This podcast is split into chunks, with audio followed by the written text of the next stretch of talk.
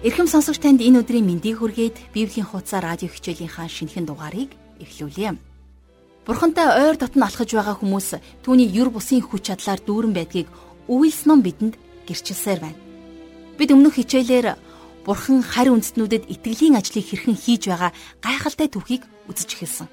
Энэ бол сайн мэдээ дэлхий дахинаар тархахын зөвхөн эхлэл нь байсан. Тиймээс ч өнөөдөр монголчууд та бид Бурхны тухай үннийг дуулж мэдж түүний үгийг сонсож мөн түүнд алдрыг өргөн үйлчлэх боломжтой болсон.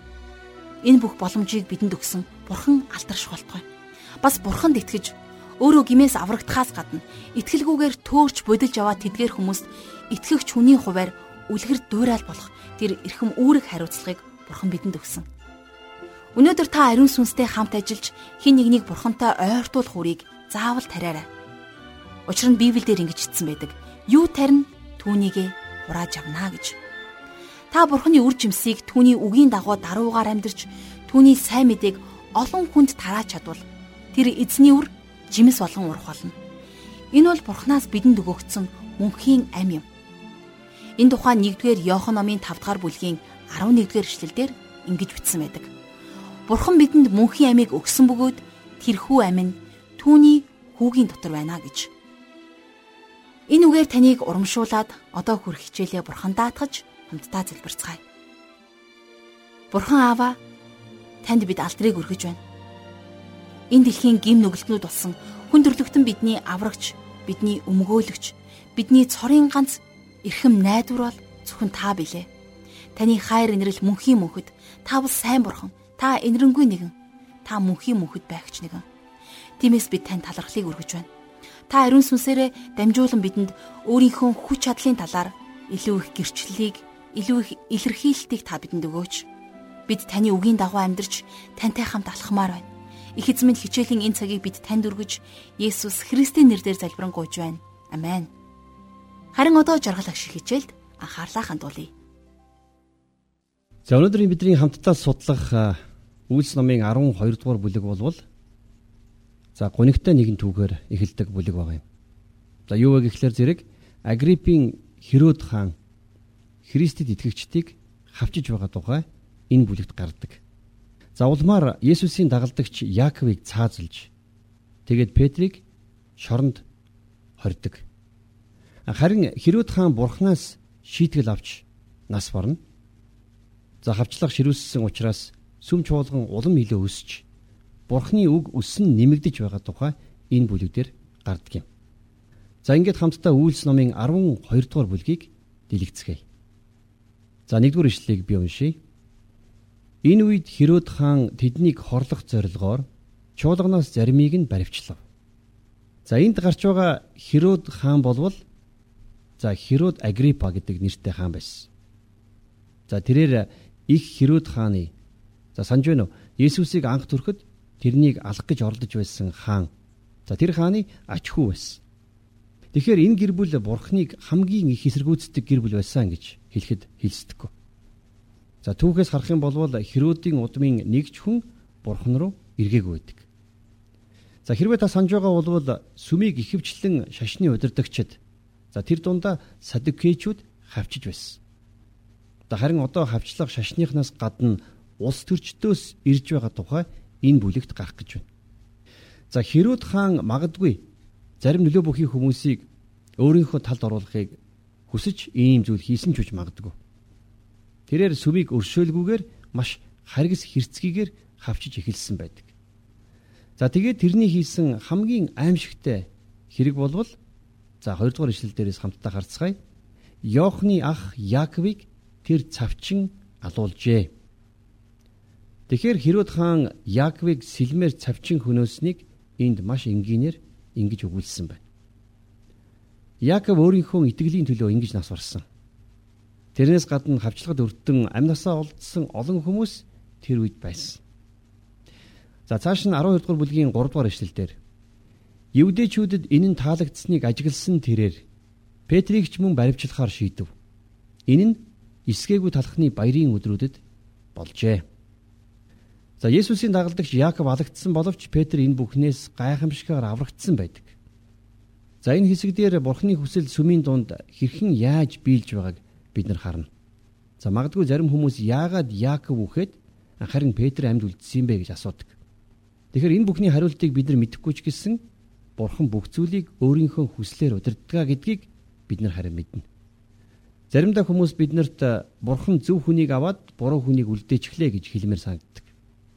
Гэхдээ үхэл болон амьдрал нь бурхны гарт байдгаа гэдгийг та бид нар сайн мэднэ. Хавчлагаар амиа алдсан Яаков Иерусалимийн сүмийн удирдагчдын нэг байсан. Тэгэхээр бурхан тэрнийг амьд үлдээх үгүй нь бурхны таалал байсан гэсэн үг. За харин Петр тохиолдсон үйл явдлыг хамтдаа дөрөвдүгээр ишлэлээр үргэлжлүүлэн харцгаая.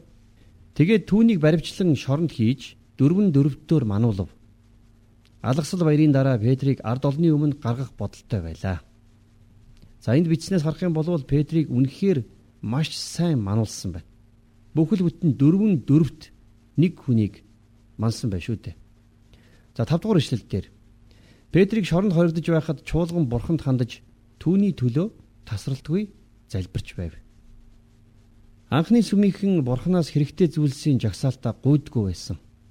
Харин Симон Петрийг чөлөөлүүлэхийн тулд гал халуунаар залбирч байж. Бидний зүрх сэтгэл залбиралд нь чин сэтгэлээсээ шингэсэн байсан. За 6 дугаар эшлэлдэр Херод түүнийг гаргах гэж байсан яг тэр шөнө нь Петр хоёр цэргийн дунд давхар гинжээр гинжлээстэй унтаж байлаа хаалганы өмнөх харуулууд ч гэсэн шоронг манаж байв. За энээс харах юм бол их сонирхолтой үйл явдал гарч байна. Симон Петр цаазлуулгынхаа өмнөх шөнө яаж ингэж бүх нойронд автваа гэж та бодож байна уу? Тэр бас гитсмэн цэцэрлэгт Есүсийг баримтлагтахаас өмнө ч гэсэн унтчил байсан. Тэр энд юунд санаа зовхгүй унтж байна. Тэр хаан чамаагүй хизэж чамаагүй унтчихдаг хүн байсан гэж хэлж болно. Баримтлагдсан хэрнээ хоёр цэргийн хооронд санаа амаар унтаж байсан нь тэр үнэхээр бурханд итгэлтэй байсныг нь харуулж байна. За гайхамшигтай зүйл болдог. Энэ тухай 7-оос 9-р ишлэлээс хамтдаа харъя. Үзэгтэн эзний тэнгэр илж ирж шоронгийн өрөөнд гэрэл цацрав. Тэнгэр илж Петрийг хажуу руу явран сэрэж түргэн бос гэхэд түүний гараас гинжин молдорч унлаа.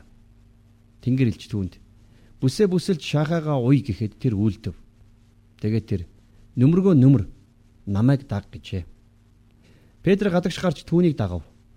Тэрээр тэнгэр элчээр үлдэгдэж буйн бодтой гэдгийг мэдсэнгүй харин үзэгдэл үзэж байна гэж бодсон ажээ. Тэнгэр элч Петрийг босоод хувцсаа өмс гих зэргээр маш энгийн заавар өгсөн байна. Харин Петр энэ бүхнийг үзэгдэл гэж бодсон. За тэгээ цааш нь юу болж байгааг хамтдаа 10 дугаар ишлээс харцгаая. Тэд нэг хоёр дахь харуулуудыг өнгөрөөд хот руу урдаг төмөр дааман хаалган дээр иртэл хаалга өөрөө нэгдэв. Тэд гарч явсаар нэгэн годомж өнгөрөхөд Тэнгэрлж гинэд түүнийг орхин одвоо гэсэн байна. За уул нь Петрийг хангалттай олон манаач харуулууд манж байсан. За тэд нар нэг иймэрхүү зүйл болно баха гэж хүлээж байсан юм шиг байна. Есүс эзэн амь өргөдсөн боловч тэр дахин амилсан. За тийм учраас тэд нар дахин тийм ичгүүртэй байдалд орохгүй тулд давхар давхар харуулуудаар түүнийг манж байсан. За энэ бүхэн болж байх үед Иерусалимийн сүм залбирч байсан. Тэгээд Петр аюулгүй болонгод Тэнгэрлж тэрнийг орхин явдаг. За бурхан сүмийнхний залбиралд ингэж хариу өгсөн байна. За цааш нь 11 дугаар ишлэлийг хамтдаа уншийе. Петр сэхээ орж Эзэн Тэнгэр элчээ илгээж намайг Херодийн гараас болон Евдийн ард түмнийг хүлээж байсан тэр бүхнээс аварчээ гэдгийг би одоо л баттай мэдлээ гэв. За ямар ч байсан Петр гин тухаа ороод Бурхан өөрийг нь чөлөөлсөн гэдгийг сая л нэг ойлгосон байна. За 12 дугаар бүлгийн 12 дугаар ишлэгийг үргэлжлүүлэн харцгаая. Ийхүү ухаарсан тэр Марк гэгдэх Йоохны их Мариягийн герт ирэв. Тэнд олуулаад цуглаад залбирч байлаа. За энэ үеийн сүм болвол тухайн үед за бас тэрнээс хойш 150 жилийн турш ямарваа нэгэн тийм сүмийн барилгагүй байсан. За өнөө үед бол мэдээж сүмүүд мянга мянгаараа барилгажиж байна. А гэхдээ сүмийн барилга бол тийм чухал биш. Христийн бие бол өөрөө сүм гэдгийг итгэгчид бид нар сайн мэднэ. За тийм учраас эхний үед сүмийнхэн хин нэгнийхээ гэртэл уулздаг байсан. За дээр дурдгдсан Марк химээх Йоохны ээж Мария нилээд чинэлэг эмэгтэй байсан баг. Яг үг гэхлээр тэрний герт сүмийнхэн бүгдээр цуглах боломжтой байсан. За тэд Петрт тэнгэр илж тусаж байх яг тэр үед Симон Петрийн төлөө залбирахаар цуглаж за хамтдаа нэгэн хоолоогоор залбирцгааж байсан. 13 дугаар ишлэгийг харцгаая. Петр даамангийн хаалгыг тогшоход Роде гих зар зохин чагнахаар гарч ирээд за энэ төр зогсъё. Тэгэхээр энэ үед итгэгчид аимшигтай хавчлагын дунд байсан гэдгийг бид санах хэрэгтэй. За тийм учраас Роде охин хин ирснийг шалгаж үзэхийн тулд ирсэн. Тэгэд хин ирснийг мэдэж байж хаалгаа онгоолох хэрэгтэй байсан. За тааш нь харъя. Петрийн дууг танин баярлсандаа дааман хаалгааж тайлалгүй дотогшгүй орж Петр дааман хаалган дээр байна гэж мэдэгджээ. За Роди гихчийн охин баярлсандаа болоод хаалгаа онгоолгохооч мартаад цаашаа гүйсэн байна.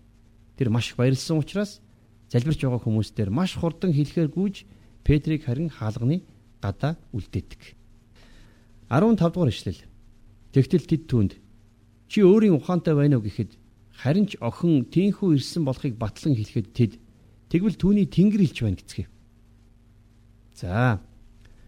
Петрийг ирлээ гэж зар зохин хэлэхэд хүмүүс тэрнийг галзуурчихсан байна гэж хэлж байна. Энд тэрний тэнгэр илч гэсэн нь тэрнийг хамгаалагч тэнгэр элчийн тухай ярьж байгаа юм шиг боловч пневма гэдэг грек үгийг ашиглан хэлсэн байгаа. Энэ бол тэрний сүнсэн гэсэн утгатай. За тийм учраас тэд нэр Петрийг үгсэн харин тэр сүнсээрээ ирсэн байна гэж бодцгоосон байна. За хамгийн сонирхолтой нь бүхэл сүмээрээ Петрийн чөлөөлөлтийн төлөө залбирч байсан хэрнээ тэрнийг чөлөөлөгдсөнд нь итгэж чадахгүй байгаа биз. За бид нар ч гэсэн бас тэднэртэй яг адилхан байх байсан. Бид ууггүйгээр залбирч гуйсныхаа эцэст хариулт авчгаад Бурхан үнэхээр өгчлөө гэж юу гэд итгэж чадахгүй тийм тохиолдол зөндөө байдаг. Харин Петр үргэлжлүүлэн хаалга тогшсоор байна. Тэр маш их тууштай хүн байсан. Залбирлынх нь хариу ирсэнд итгэхгүй дотор маргалдан сууж тэрэнд хаалга нээх хүн олдог. Тийм учраас Петр нилээд чанга за нилээд удаанч тогшсон байх. 16-аас 17 дугаар бүлэг дээр энэ тухай хэлэхдээ харин Петр тогшсоор л байлаа. Тэд хаалга онгойлгоо түүнийг хармагцаа гайхан сүрдэжээ. Гэвч Петр тэдэнд чимээгүй байхыг гараараа дохиод эзэн түүнийг шоронгоос хэрхэн гаргасныг ярьж энэ тухай Яаковд болон ах トゥ нарт мэдэгдгээд өөр газар руу одов. За ингээд тэд нар Петрийг өмнө нь зогсож байгааг хараад нүдэндээ ч итгээгүй. Залбирлынх нь хариу ирсэнд ч итгэхгүй байсан.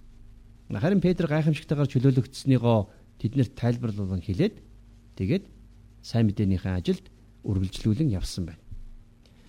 Бурхан намайг чөлөөлсөн юм чинь би энэ хаваар аюулгүй байж баяа гэж Петр хэлээгүй байгааз. Яагад үгээр Бурхан биднийг гайхамшигтай арга замуудаар ямарваа нэгэн аюулаас чөлөөлж болох ч гэсэн цаашид амьдрал маань хэвийн үргэлжилж бид нар хийх ёстой зүйлээ хийх ёстой гэдгийг Петрийн жишээ бидэнд сургамжилдаг. 18 дугаар эшлэлдэр өглөө босоход Петрийн яасан тухайд цэргүүдийн дунд баггүй сандрал болжээ. За мэдээж тэргүүл сандрах нь гарцаагүй. Энэ их үүмэн самун байсан баха гэж би ботож байна. За ер нь Лук альва имийг өгүүлэхдээ маш илдэг, зөөлөн үгээр илэрхийлдэг хүн.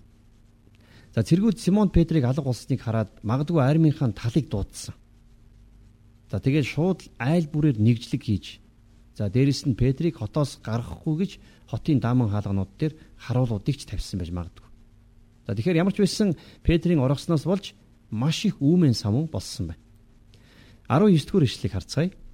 Түүнийг ирээд олоогүй хөрөөд харуулуудыг байцаагаад тэднийг цаазлахыг тушаалаа. Херод Евдэгээс Кайсарид ирж тэндэ байв. За бидний төсөөлж байгаагаар Херод бол үнэхээр хэрцгий догшин харгас хүн байсан. Тэр хүний алтан амийг ямар ч үн цэнтэд тооцдгүй байж. Ямар ч буруугүй харуулуудыг алхахтаа тэр бурхны хийсэн үйлдэлд итгэхгүй байгаагаа давхар нотолж байдаг. Тэр Петрийг харуулдаж байсан бүх зэргүүдийг цаазлуулсан. За ингэснийхаа дараагаар тэрээр газрын дундад тэнгисийн иргэний дагуу оршдог Кайсерид очисон. За Кайсери гэдэг энэ хотод Есүсийг цаазлахыг зарлаг болгосон Понти Пилат зэрэг олон Ромын эрх ямбтнууд очих дуртай газар байсан. За энэ болвол Ромын гол цөм удирдлагын төв байсан гэж хэлж болно. За ер нь Ромчууд Иерусалимыг хайрладаг байсан. Тиймээс Херод баг зэрэг амархаар Кайсари явсан байна. Харин бурхан Херодийн хийсэн хэрэгт нь хариуцлага тооцож хэрхэн шийтгсэн тухай үргэлжлүүлэн 20 дугаар ишлээс харцгаая. Херод Тирийнхэн болон Сидоныхонд ихэнд хилэгэндэг байв. Тэднийхэн хааны нутгаас хоол хүнсээр хангагддаг байсан тул хааны түшмэл бластик талдаа татаж нэгэн санаагаар түүн рүү ирж найрамдахыг гуйжээ. За тэгэхээр энд Тир ба Сидон гэгч хоёр хотын тухай гарч ирж байна. За Тир Сидон хоёр хот Херодийн улсад арилжаа намыг хийдэг байсан. А гэхдээ Херодийн уур бухимдлыг хүргэсэн тохиолдолд тэдний эдийн засагт хямрал бий болдог байсан. За тийм учраас тэд нар Херодтэй хилэлцээр хийх гэж ирсэн гэж саяын ишлэл бичсэн байна. За 21-р ишлэлдэр товлсон өдөр Херод Синтидэ хааны хувцастайгаа заларч тэдэнд үг хэлж эхлэв. За эндээс харах юм бол Херод нилээд гайгүй чадварлаг илтгэгч байсан байна. За тэр ямар ч намын дор нэр дэвшсэн сонгогдчоор тийм уран илтгэгч байсан. А гэхдээ харин Херод бардамналаар дүүрэн байсан.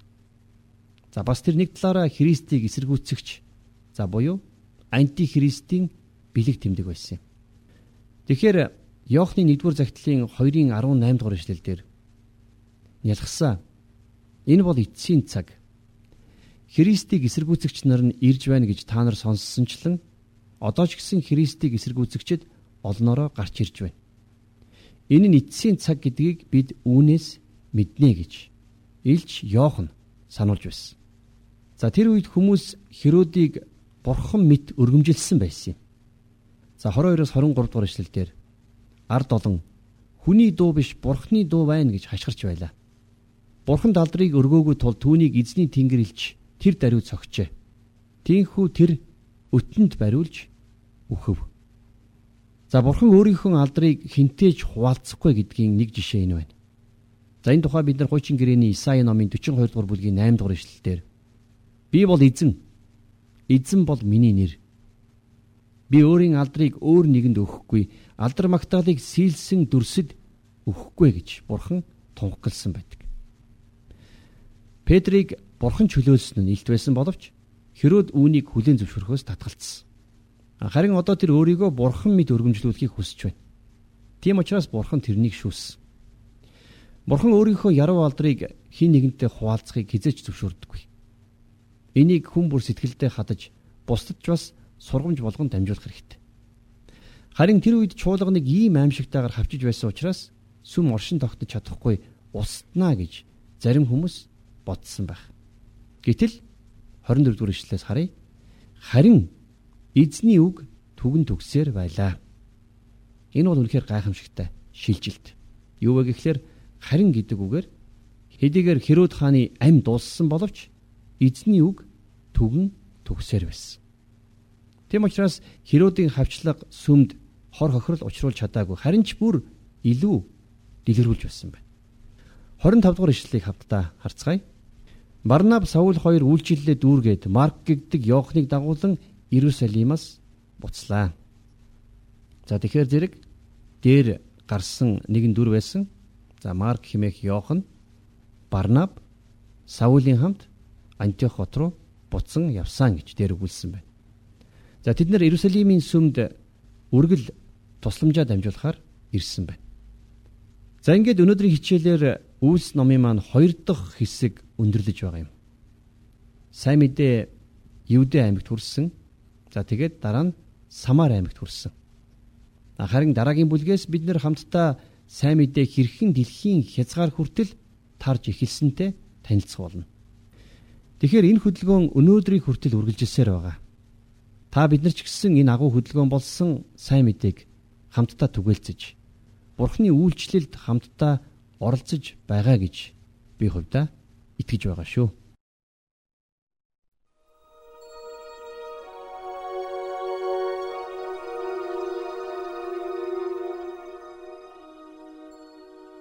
Тэгэхэр бурхан анхны сүмийнхний залбиралд хариулж Симон Петрийг гайхамшигтайгаар чөлөөлсөн түүхийг бид сая үзэж дууслаа.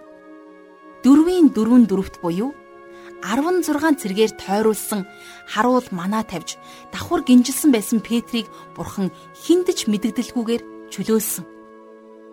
Петр үхлийн ирмэгт ирсэн хэрнээ юунд ч санаа зовлгүйгээр унтаж байсныг харахад тэрээр үнэхээр бурханд итгэмжтэй нэгэн байж. Петр үнэхээр бурхан юу хийж байгааг мэдчихсэн түүнд нь бат итгэж байсан. Бас тэр үеийн итгэгчид бурханыг гэрчлэх үйлсэд ямар нэгэн хавчлага дарамт ирвэл тууштайгаар чин сэтгэлээсээ залбирanгуйдаг хүмүүс байсан нь гайхамшигтай. Тиймээс тэдний залбирал Петрийн амьдралд биелэлээ олсон юм. Учир нь бурхан хизээж байсан биднийг хамтдаа тууштайгаар залбирахыг хүсдэг. Учир нь энэ тухай Есүс Матай номонд миний гэр бол залбирлын гэр гэж нэрлэгдэх болно гэж хэлснийг та санаж байгаах. Эндээс харахад анхны сүм чуулганд Бурхны хүч, түүний оршихуй, залбирлын цуглаан нь үргэлж хамтдаа болдог байж. Өнөөдөр бид ч гэсэн ийм л оршихуугаар Бурханд алдрыг өргөх учиртай. Цаг наргүй амьдралын хурдыг гүйцэхгүй ядрахдаа зөвхөн Бурхныг л бид орхих учиргүй юм. Өнөөдөр Бурхан биднийг ч гэсэн хэцүү асуудлын дунд өөрт нь ийхүү итгэж найдаасай. Түүнээс тусламжийг хүч чадлыг гуйж залбираасай гэж тэр туйлын хүсэж байгаа. Тэр таны нөхцөл байдал гайхамшигтайгаар ажиллах болно. Ингээд энэ хүрээд өнөөдрийн хичээл маань өндөрлөж байна. Харин та сурсан зүйлийнхаа төлөө Бурханд талархах цаг гаргаарай. Бурхан аваа та надад би чамтай хамт байх учраас битгий. Өөрийнхөө талаарч бүү санаа зов. Учир нь би чиний бурхан. Би чамайг тэнхрүүлж үнэхээр би чамд туслах болно. Би чамайг өөрийнхөө зөв баруун мутраар чамайг хамгаална гэж хэлсэн. Энэ л амлалт Энэ үгийн тань төлөө би тань талархлыг өргөж байна. Учир нь таны үг үргэлж биднийг тэнхрүүлж, биднийг хүчтэй болгодог. Эдэр залуу хүмүүс ч гэсэн сүлдэж ядардагч, эзэн танд итгэгч найдагчд нь хизээж сүлдэхгүй, ядрахгүй байдаг. Эзэн таны үгийн төлөө талархаж байна. Та миний гим нүглийг уучлж, өөрийнхөө хайр дотроо хүлээн авсан учраас их эзэн минь танд баярлалаа. Тимээ аава, бид бүгдээрээ Христийг хүлээж аваагүй. Бурхны үннийг олж мдээгүй хүмүүст танд залбирах залбирлаараа таныг илчлэх үгсээрээ танд үйлчлэх тэр үйл хэрэгээрээ тэднэрт харуулмаар байна. Та биднийг өөртөө үйлчлүүлээч. Ариун сүнсээ таны өнөөдөр бидэнд нээж өгөх тэр үүд хаалгаар зөрөгтэйгоор орж Бурхны гэрчлэх хүчийг та бидэнд дүүргэж өгөөрэй. Бид танд бүх зүйлээ даатгаж Есүс Христийн нэрээр залбирanгуйж байна. Амен.